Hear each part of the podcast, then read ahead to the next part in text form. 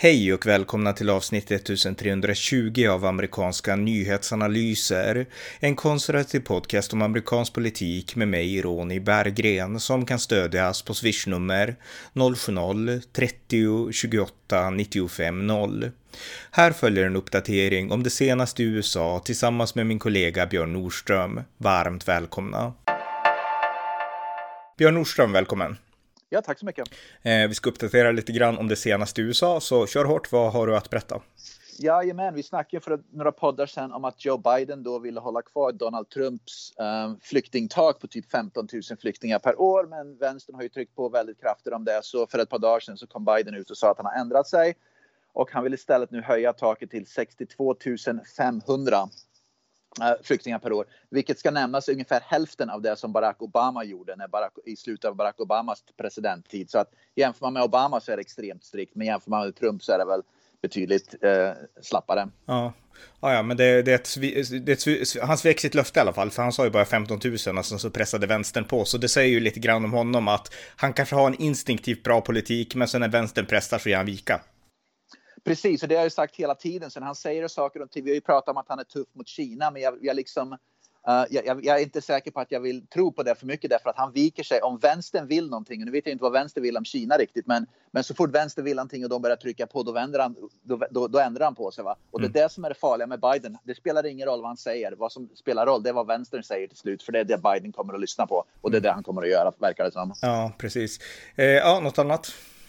Jag tänkte bara också bara för att säga en sak till arbetslösheten i USA håller på att gå ner nu. Det, blir väl, det börjar bli väldigt stor arbetskraftsbrist. Så det finns väl nu har ju inte Biden gått ut och liksom justify det här på det här sättet, va? men det finns till exempel bostad. Vi har pratat om det här förut, bostadsmarknaden. Det är väldigt, väldigt svårt att skaffa bostad i USA. Det byggs inte alls lika mycket som bostäder i USA som det behövs just nu. Därför att det är stort behov av bostäder och det är väldigt ont om arbetskraft inom byggjobbarbranschen. Va?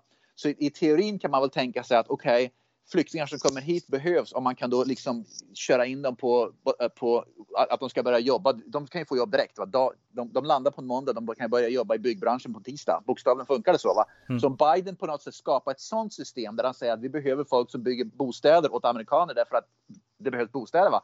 Och de, vi kommer att slussa in dem i, bostads, i, i, byggbranschen helt enkelt, där de ska få omedelbar träning i byggbranschen, omedelbart engelskundervisning. Då hade han kunnat, vad ska man säga, försvara det beslutet väldigt enkelt, därför att folk skulle tycka att ja, det låter som en jättebra idé. Men han gör ju inte det. Han liksom försvarar inte på ett sånt sätt där, där vanliga amerikaner som mig tycker att okej, okay, det låter vettigt och det behövs verkligen på det mm. sättet. Nej, just det. Nej. De kanske inte tänker ens på sånt. Nej, så är det nog. Eh, ja, hade du en mer? Ja, Joe, uh, Joe Biden, på tal om Biden i alla fall, jag har några saker, men Joe Biden i alla fall, han gör ju sina slip-ups, sina grodor och då och då.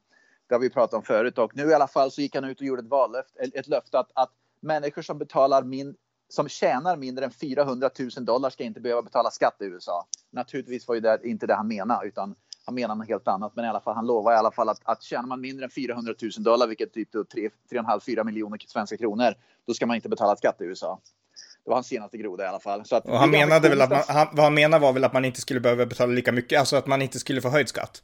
Precis, men det här visar ju att Biden har ju att hans vad ska man säga, mentala intellektuella kapacitet inte fungerar speciellt bra. För de här grodorna kommer ju konstant och alla vet när han säger sånt där att det är ju en groda, men problemet är ju det va när han går ut och säger sådana där saker så blir det grodor. Och man vet ju inte längre, det han sa om flyktingtaket, var det en groda eller var det inte en groda? Man vet ju inte sånt där längre. Man kan inte längre skilja på grodor och verkliga saker som man, som man menar. Nej. Och återigen, det, det, det, det, ska, ja. det, skapar, det skapar liksom kaos helt enkelt. Ja, återigen, vi har pratat om det förut, men jag menar alltså tidigare presidenter, både Donald Trump och George W. Bush och även Ronald Reagan och kanske även George Herbert Walker Bush, de fick ju alla anklagelser om att de kanske var dementa och hade Alzheimers för att de sa något fel och de var också till åren komna, många av dem, eh, och, och sådär. Och eh, ja, här har vi en person som visar betydligt fler tecken än någon annan president, vad jag kan minnas, på det. Och han kommer undan. Han får inte de anklagelserna, så mycket i alla fall av mainstream media. Ja, absolut. Och till och med Donald Trump, han var ju liksom hans mentala kapacitet innan han blev ens president så sa de ju rakt ut att han har ju inte mental kapacitet för någonting och han är ju totalt liksom allt. Man redan då förklarat att han inte är mentalt kapabel för att vara president va utan att han ens innan han ens blev president va. Mm. Men med Biden, trots att, och det var innan då Trump ens hade gjort uttalanden, utan liksom att han har inte sagt någonting som visar någon form av mental eh, ohälsa. Va? Men som du nämner då, Biden, han, han liksom dag ut och dag in, det groder konstant. Va? Han liksom inte, har inte alls pejl på läget. Va? Man, mera säger ingenting. Och återigen så visar det här fruktansvärda hyckleriet med media. Att man helt enkelt gör, beroende på vem presidenten är, vilket parti de representerar, så är vänsterliberal media två helt olika saker. Det, det, det, det, är liksom, det är oförsvarbart helt enkelt. Mm. Eh, ett ämne jag kan ta det är att Donald Trump kommer att, idag så kommer Facebook att besluta om de ska låta Donald Trump få göra comeback på Facebook eller inte. Han var ju avstängd i, ja, om det var i januari då, efter 6 januari upploppen där ja. vid, vid Kapitolium. Så att ett beslut kommer idag om han får återvända till Facebook. Till Twitter kommer han inte att få återvända, men möjligtvis till Facebook. Men jag vet inte hur mycket han bryr sig, därför att nu har Donald Trump skapat en egen sajt som heter, den har ett väldigt, ja, den har inte ett bra namn tycker jag då, men hans sajt heter From the Desk of Donald J. Trump, heter hans sida då, som ska vara en alternativ social media. Och jag tycker att det är ett helt fruktansvärt dåligt namn, men just nu så, så stämmer det ändå med hur sidan funkar, därför att det är bara Donald Trump än så länge som kan använda det. Så att det är mer en blogg än så länge då. Ja, och nämnas skall också att han ska inte ha någon funktion. Det finns ett par funktioner jag ska tänka bara nämna. En funktion är att man ska inte, just nu i alla fall, så ska man inte kunna, som i Twitter och Facebook kan man skriva ett svar. Man kan liksom, även om man aldrig läser det så kan man då skriva reply till exempel, eh, skriva ett svar. De funktionerna kommer inte att finnas utan det är mer en envägskommunikation. Och den andra saken också är att eh, en funktion som finns är att de som man kan dela inläggen som han skriver på Facebook och Twitter. Mm. Så han kan inte lägga ut saker och ting själv på Facebook och Twitter, men följare kan lägga ut det på Facebook och Twitter. Man kan dela det, så de har på något sätt gjort det. Så nu måste väl Facebook och Twitter, antar jag, uh, ta ett beslut om de ska försöka blocka delningar från, det, från den uh, plattformen han mm. har, den sajten ja, till, hans, till Facebook och Twitter. Därför att med andra ord, hans hans, hans, vad ska man säga, hans kommunikation kommer ju hamna på Facebook och Twitter. Så frågan är då, ska man då börja blocka konstant som kommer från hans sida då? Så att det här är ett nytt problem. Mm. Och det, grundproblemet här det är att Facebook och Twitter uh, de kämpar emot, emot, emot yttrandefriheten och det är det som är det verkligt farliga egentligen. Att de ska börja nu kanske blocka då. Det, det, jag är övertygad om Twitter framför allt, för Jack Dorsey, han är ju han är en totalitär. Mm person. Men att, att han kommer säkert att vilja blocka allting som kommer från Trumps sida. Och det visar ju bara den totalitära sidan att vänstern och, och high-tech companies har gått samman nu för att, för att för, för, eh, krossa yttrandefriheten och det är ju livsfarligt. Ja, ja, verkligen. Och tänk så här också, tänk om det skulle vara så att, för jag menar, både, både Facebook och Twitter har ju möjlighet att se till att inga länkar från den här eh, Donald Trumps sida fungerar. Det kan de ju stoppa också. Om de Precis. skulle göra det då och Trump då uppmanar sina användare att till exempel, okej, okay, ni kan inte dela direkt från den här sidan med klipp och klistra, liksom klipp, klis, ja. klistra in det jag har skrivit. Okej, okay, då kommer säkert jättemånga göra det. Men då finns det inget officiellt sätt att verifiera att det är just han som har skrivit så. Eller visst, man kan jämföra och sådär, men det är mycket lättare för just fake news och få spridning. Titta, där skrev Donald Trump och så är det inte ett verifierat konto som man liksom länkar eller sådär. Och så kan tro, folk tro i alla fall för en stund på att oj, det här kanske är sant. Så jag menar, och göra så skulle ju öppna upp för fake news ännu mer. Så jag menar, jag tycker verkligen att Twitter och Facebook ska tänka till här. Är det verkligen bra att tvinga en före detta amerikansk president att gå via de här alternativa plattformarna där allt möjligt som ändå är desinformation kan komma ut? För att okej, okay, om Trump, jag tycker inte det, men okej okay, om man kan tycka då att han ibland slirar på sanningen, men likväl, det är väl bra att veta då att det verkligen är han som har skrivit det där istället för att det ska hamna i massa gråzoner som risken kan bli då om man nu skulle blocka även den här sajten.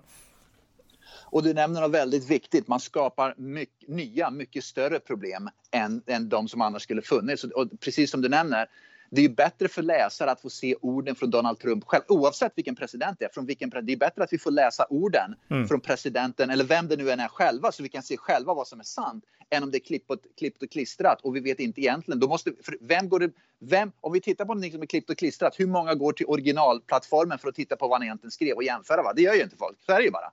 Och då skapar man ett ännu större problem. Så det de egentligen gör, det är kontraproduktivt det de gör. Men jag tror inte de begriper det. Hatet, känslan är så starka att de inte bryr sig om eller begriper konsekvenserna av deras korkade beslut Nej. i, i high-tech-företagen. High Helt korrekt analys. Något annat? Något annat? Ja, vi pratar om att morden ökar i kors och tvärs runt om i USA för man skär ner på polisen och så vidare. Ny statistik kom ut. Morden i Washington DC.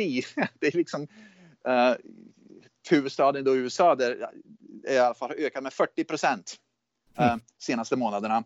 Och det är för att de har ju, DC har ju då en, eh, en demokratisk borgmästare, en väldigt, väldigt vänsterliberal stad. Så i, precis som vi nämnde gång efter gång efter gång, titta på de vänsterliberala demokratiskt styrda städerna, storstäderna i USA, så kriminaliteten och morden har ökat dramatiskt. Och poliserna säger upp sig därför att de kan inte längre arbeta. Så det blir en, vad ska man säga, en, en ond cykel av det hela. Va? Och, och politikerna helt enkelt vägrar att... att de, de, de tycker det är bättre att poliser säger upp sig och folk mördas kors och tvärs överallt än att man, att, man har ordning och reda på gator och torg och att polisen då och då, tyvärr, men det är verkligheten, gör, gör misstag. För vi är ändå människor. Men det, är liksom, det, det, det, här är ju liksom ohållbart i längden. Ja, jag kan säga också att eh, vi pratade för ett tag sedan om rättegången då mot Derek Chauvin, polisen som dödade George Floyd. Och nu är det så här att han vart ju fälld för mord på George Floyd och nu är det så här att det har kommit fram att en av personerna i juryn var med i Black Lives Matter och var en Black Lives Matter-aktivist. Och nu har försvarsteamet hittat ett, eh, ett Facebook, en Facebook-bild där han har så här Black Lives Matter-tröja, sån här, en av de här i juryn. Och eh, jag menar okej, okay, han ska inte påverkas, men det är inte alls omöjligt att, att liksom hans aktivistiska inställningar påverkat hans domslut och nu så kräver liksom försvarsteamet för Derek Chauvin att, eh, att det ska bli ny rättegång helt enkelt. Ja, och nämnas skall också att den, den personen då som du just nämnde, inte Chauvin, men den här jurymedlemmen, ja. var den första i juryn som, som fällde honom. Han var omedelbart, det, det liksom tog inte många sekunder för han sa att, att Chauvin är, är skyldig. Och just det här med att det visar ju att, att, att nu vet jag inte liksom alla detaljer kring vad som har hänt, liksom vad som händer bakom lyckta dörrar. Va? Men när sådana här informationer framkommer så vet vi att det finns en aktivism som ligger bakom. Och då, domaren har ju då möjligheter att gå in och säga att det, det här kan ha påverkat dom, domslutet och, och, och, och, fallet. Så att det ska bli intressant. Nu vet jag inte om det kommer ändras eller inte, va? men, men att, att det överklagas, det är ju, det är naturligt. Um, så att vi får se vad som händer. Men, men att, att det är aktivister som håller på med sånt här, det är, det, det, liksom, det förstör ju hela rättsprocessen. Det liksom, det, då vet ju alla att det här, när aktivister sitter i, i, i en rättssal så, så kanske man inte tittar lika mycket på fakta som man gör på känslor. Nej, nej visst. Eh, något annat? Ja, allt fler demokrater nu. Joe Biden har ju gick, gått ut och sagt, det är väl något vettigt, jag vet inte om det var en groda eller något han menar, men han, han har i alla fall gått ut och sagt att USA är inte är ett rasistiskt land och allt fler demokrater, normala, och ja, vi, kan ju, vi vet ju vilka normala demokraterna är ungefär, men allt fler normala demokrater i USA går ut och säger att, att USA är faktiskt inte så, lika rasistiskt som det liksom gapas och skriks om. Uh, så att jag tror att det verkar som att vindarna har vänt även inom det demokratiska partiet vad gäller att att, att, de här, att USA är superrasistiskt och alla är rasistiska och så vidare. Och så, vidare. så att det verkar som att gruppen normala vågar gå ut och säga rakt ut att nej, det är inte så illa som vänstern faktiskt tror, utan det här är så det ska bli intressant att se det här utvecklas. Det kanske är förhoppningsvis början på slutet för det här cancel culture, det här dårhuset som pågår just nu i USA med, med att allt och alla är rasister till och med motorvägar som vi pratar om är rasister nu. Ja, precis. Just det. på tal om motorvägar så är det så här också att eh, amerikanska elbilister, de håller på att byta tillbaka till bensinbilar. Och det här är en undersökning som, eh, det har stått om det i Vi bilägare. Jag har snappat upp det från Samnytt som skriver om det här. Och eh, det står så här att eh, av 4 000 hushåll i Kalifornien som har eller haft en elbil uppger 18 procent att det gått tillbaka till bensinbil. Och orsaken till det, det är helt enkelt att det är svårt att ladda bilarna, speciellt hemifrån. Därför att hem, hemma så har man bara 120 volts elsystem system. Och det gör ja. att man kan inte ladda de elbilarna effektivt och då, då, då liksom kraschar verkligheten med den här idealistiska idén om att köra elbil. Och det är inte bara det, utan även när man är ute och reser. Jag menar, jag är ute och åker bil och USA är ju ett väldigt stort billand. Va? Det är liksom, man, man åker bil väldigt mycket. Va? Och när man har en elbil, man måste planera. Man måste bokstavligen lägga in, liksom in i sitt vad ska man säga, reseschema i planeringen av resor, bilresor, hur man ska kunna ladda bilen. När man, mm. när man då har bensinbil, då är det ju bara att man åker in vilken mack som helst. De finns ju överallt. Men el så måste man planera. Jag tror att människor börjar inse nu att så länge man inte bara reser från, om du bara reser från jobbet till hemmet, då kanske man kan fixa det på något sätt för att jobbet kanske har, om man jobbar till exempel i, i ett high-tech-företag i Kalifornien, de har satt upp sådana här elstationer nu. Och vissa affärer har börjat sätta upp sådana lokala, jag ser även här där jag bor, har vissa affärer börjat sätta upp sådana här el, elladdningsstationer och så vidare. Va? Men det är liksom, så länge du åker från hemmet till jobbet till affären i din lokala lilla stad, då är det okej okay med en elbil. Men när du, när du ska ta liksom familjen på en semester eller åka ut på liksom en Labor, Day, Labor Weekend eller Memorial Weekend eller någon sån här eh, mm. någon helg då, långhelg för att då liksom fira sitt semester med familjen. Va? Då är det omöjligt att ladda bilar. Då måste man verkligen börja planera. Sen tar det ju lång tid. Va? Fylla upp, fylla upp um, uh, fylla upp en bil med bensin. Det är liksom bara fem minuter, va? men ladda bilen med el, det tar ju ett tag. Så man kan liksom inte stå vid en affär och ladda i tio timmar. Nej, hur, lång, ska... hur, hur, lång tid tar det vid stationerna? Alltså, jag, har aldrig, jag har aldrig kört en elbil så att jag vet inte. Hur jag långt... vet, faktiskt, ja, jag vet faktiskt inte hur, eller, jag vet faktiskt inte hur långt det tar. Jag, har, jag kanske har totalt fel och någon som lyssnar kanske kan skicka in och tala om hur lång tid det tar att ladda. Men jag tänker att om man laddar en, en, en till exempel en, en, mobiltelefon som har ett litet pluttbatteri mm. så tar det ju flera timmar för att ladda den från 0 till 100 procent. Jag, jag har ju svårt att tro att en elbil ska kunna laddas på bara liksom två sekunder. Ja, Men jag kanske har fel, jag vet inte. Någon får, får någon får skriva ja. in kommentarerna till Soundcloud eller till inlägget eller någonting. Så att, ja, bra. Eh, ja. Något annat? Ja, Coca-Cola, de har ju haft en urbombad sån här så kallade mångfalds, eh, vad ska man säga, policy Coca-Cola-företaget. Va? Och personen som i alla fall gjort den, uh, det var en advokat som gjorde deras mångfalds och det här uh, mångfald, deras mångfaldspolitik eller mångfaldspolicy byggde på att inte Coca-Cola men företag, till exempel advokatfirmor som Coca-Cola anlitade var tvungna att ha en viss andel svarta advokater anställda. Mm. Och inte bara en viss andel svarta advokater anställda. När advokaterna som jobbar för Coca-Cola som, som du jobbar för advokatfirman men som du gjorde ett arbete för Coca-Cola. De var också tvungna att vara svarta. Så att det är liksom bara svarta, svarta, svarta, svarta. Och det var tvungna att vara 30 procent eller så vidare, vilket i, i praktiken är omöjligt att uppfylla. Med andra ord, dubbelt så hög andel svarta i, i advokatfirmor än, än eh, i generella befolkningen i hela USA. Och det är också väldigt konstigt. Men i alla fall personen som kom upp med den idén, han har slutat abrupt han sa upp sig. Och det verkar nu som att Coca-Cola eh, kommer att se över den, eh, den mångfaldspolicyn som de hade.